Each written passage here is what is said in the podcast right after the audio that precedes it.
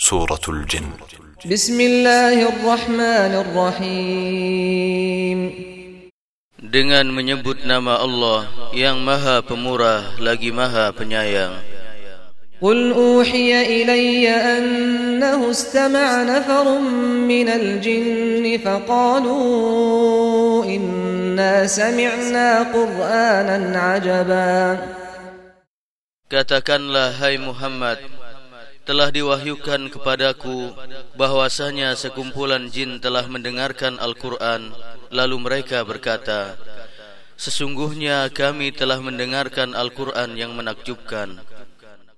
Yahdi ila ar-rusyd fa amanna bih bi rabbina ahada.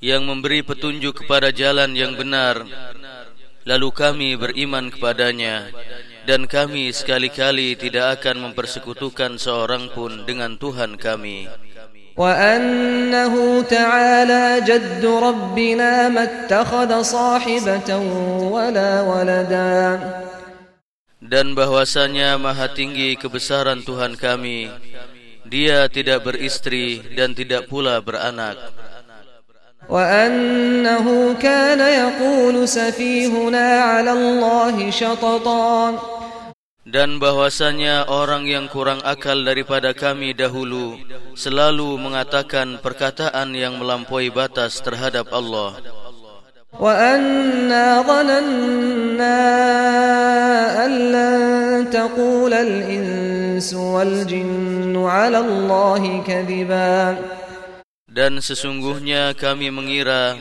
bahawa manusia dan jin sekali-kali tidak akan mengatakan perkataan yang dusta terhadap Allah. وأنه كان رجال من الإنس يعوذون برجال من الجن فزادوهم رهقا Dan bahwasanya ada beberapa orang laki-laki di antara manusia meminta perlindungan kepada beberapa laki-laki di antara jin, maka jin-jin itu menambah bagi mereka dosa dan kesalahan. وأنهم ظنوا كما ظننتم أن لن يبعث الله أحدا Dan sesungguhnya jin menyangka sebagaimana persangkaan kamu orang-orang kafir Mekah bahwa Allah sekali-kali tidak akan mengutus seorang rasul pun. وأنا لمسنا السماء فوجدناها ملئت حرسا شديدا وشهبا Dan sesungguhnya kami telah mencoba mengetahui rahasia langit maka kami mendapatinya penuh dengan penjagaan yang kuat dan panah-panah api وأنا كنا نقعد منها مقاعد للسمع فمن يستمع الآن يجد له شهابا رصدا Dan sesungguhnya kami dahulu dapat menduduki beberapa tempat di langit itu untuk mendengar-dengarkan berita-beritanya. Tetapi sekarang barang siapa yang mencoba mendengar-dengarkan seperti itu, tentu akan menjumpai panah api yang mengintai untuk membakarnya. وأنا لا ندري أشر أريد بمن في الأرض أم أراد بهم ربهم رشدا Dan sesungguhnya kami tidak mengetahui dengan adanya penjagaan itu apakah keburukan yang dikehendaki bagi orang yang di bumi ataukah Tuhan mereka menghendaki kebaikan bagi mereka وأنا منا الصالحون ومنا دون ذلك kunna taraiqa qidada. Dan sesungguhnya di antara kami ada orang-orang yang soleh dan di antara kami ada pula yang tidak demikian halnya. Adalah kami menempuh jalan yang berbeda-beda. Wa anna dhanna an lan nu'jizallaha fil ardi wa lan nu'jizahu harabana dan sesungguhnya kami mengetahui bahwa kami sekali-kali tidak akan dapat melepaskan diri dari kekuasaan Allah di muka bumi dan sekali-kali tidak pula dapat melepaskan diri daripadanya dengan lari. Wa anna lamma sami'na al-huda amanna bihi فمن يؤمن بربه فلا يخاف بخسا ولا رهقا Dan sesungguhnya kami tatkala mendengarkan petunjuk Al-Quran kami beriman kepadanya Barang siapa beriman kepada Tuhannya Maka ia tidak takut akan pengurangan pahala Dan tidak pula takut akan penambahan dosa dan kesalahan وَأَنَّا مِنَّا الْمُسْلِمُونَ وَمِنَّا الْقَاسِطُونَ فَمَنْ أَسْلَمَ فَأُولَئِكَ تَحَرَّوْ رَشَدًا Dan sesungguhnya di antara kami ada orang-orang yang taat dan ada pula orang-orang yang menyimpang dari kebenaran. Barang siapa yang taat, maka mereka itu benar-benar telah memilih jalan yang lurus. وَأَمَّا الْقَاسِطُونَ فَكَانُوا لِجَهَنَّمَ حَطَبًا Adapun orang-orang yang menyimpang dari kebenaran, maka mereka menjadi kayu api bagi neraka jahanam.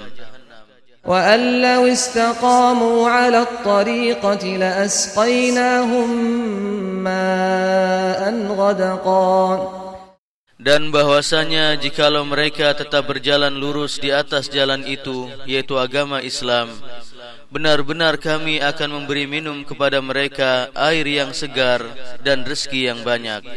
linaftinahum fi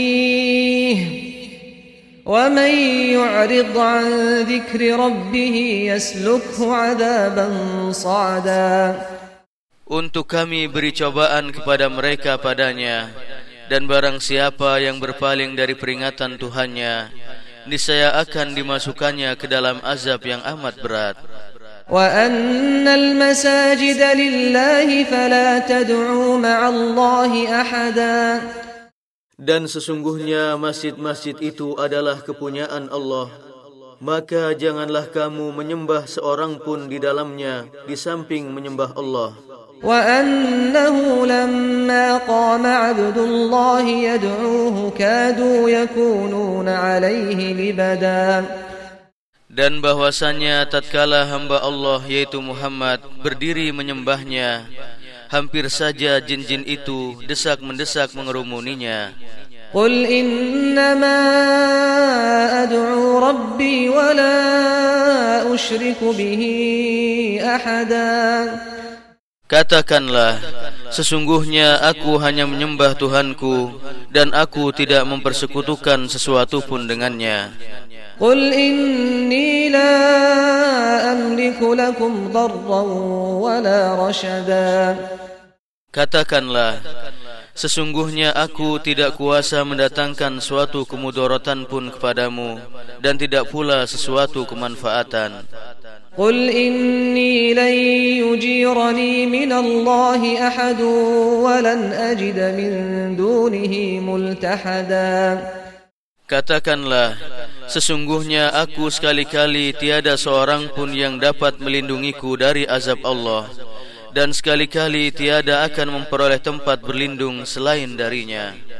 Illa balaghan min Allah wa risalatih wa man ya'si Allah wa rasulahu fa inna lahu nar jahannam ومن يعص الله ورسوله فإن له نار جهنم خالدين فيها أبدا Akan tetapi aku hanya menyampaikan peringatan dari Allah dan risalahnya.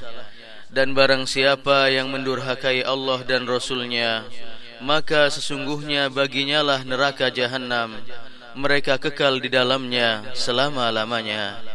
Hatta idha ra'au ma yu'adun Fasaya'lamun man ad'afu nasiran wa aqallu Sehingga apabila mereka melihat azab yang diancamkan kepada mereka Maka mereka akan mengetahui siapakah yang lebih lemah penolongnya Dan lebih sedikit bilangannya قل إن أدري أقريب ما توعدون أم يجعل له ربي أمدا Katakanlah, aku tidak mengetahui apakah azab yang diancamkan kepadamu itu dekat ataukah Tuhanku menjadikan bagi kedatangan azab itu masa yang panjang. Alimul ghaib fala yudhhiru ala ghaibihi ahada. Dia adalah Tuhan yang mengetahui yang gaib, maka dia tidak memperlihatkan kepada seorang pun tentang yang gaib itu. إلا من ارتضى من رسول فإنه يسلك من بين يديه ومن خلفه رصدا Kecuali kepada Rasul yang diridhoinya Maka sesungguhnya dia mengadakan penjaga-penjaga dari malaikat di muka dan di belakangnya ليعلم أن قد أبلغوا رسالات ربهم وأحاط بما لديهم وأحصى كل شيء عددا supaya dia mengetahui bahwa sesungguhnya rasul-rasul itu telah menyampaikan risalah-risalah Tuhannya sedang sebenarnya ilmunya meliputi apa yang ada pada mereka dan dia menghitung segala sesuatu satu persatu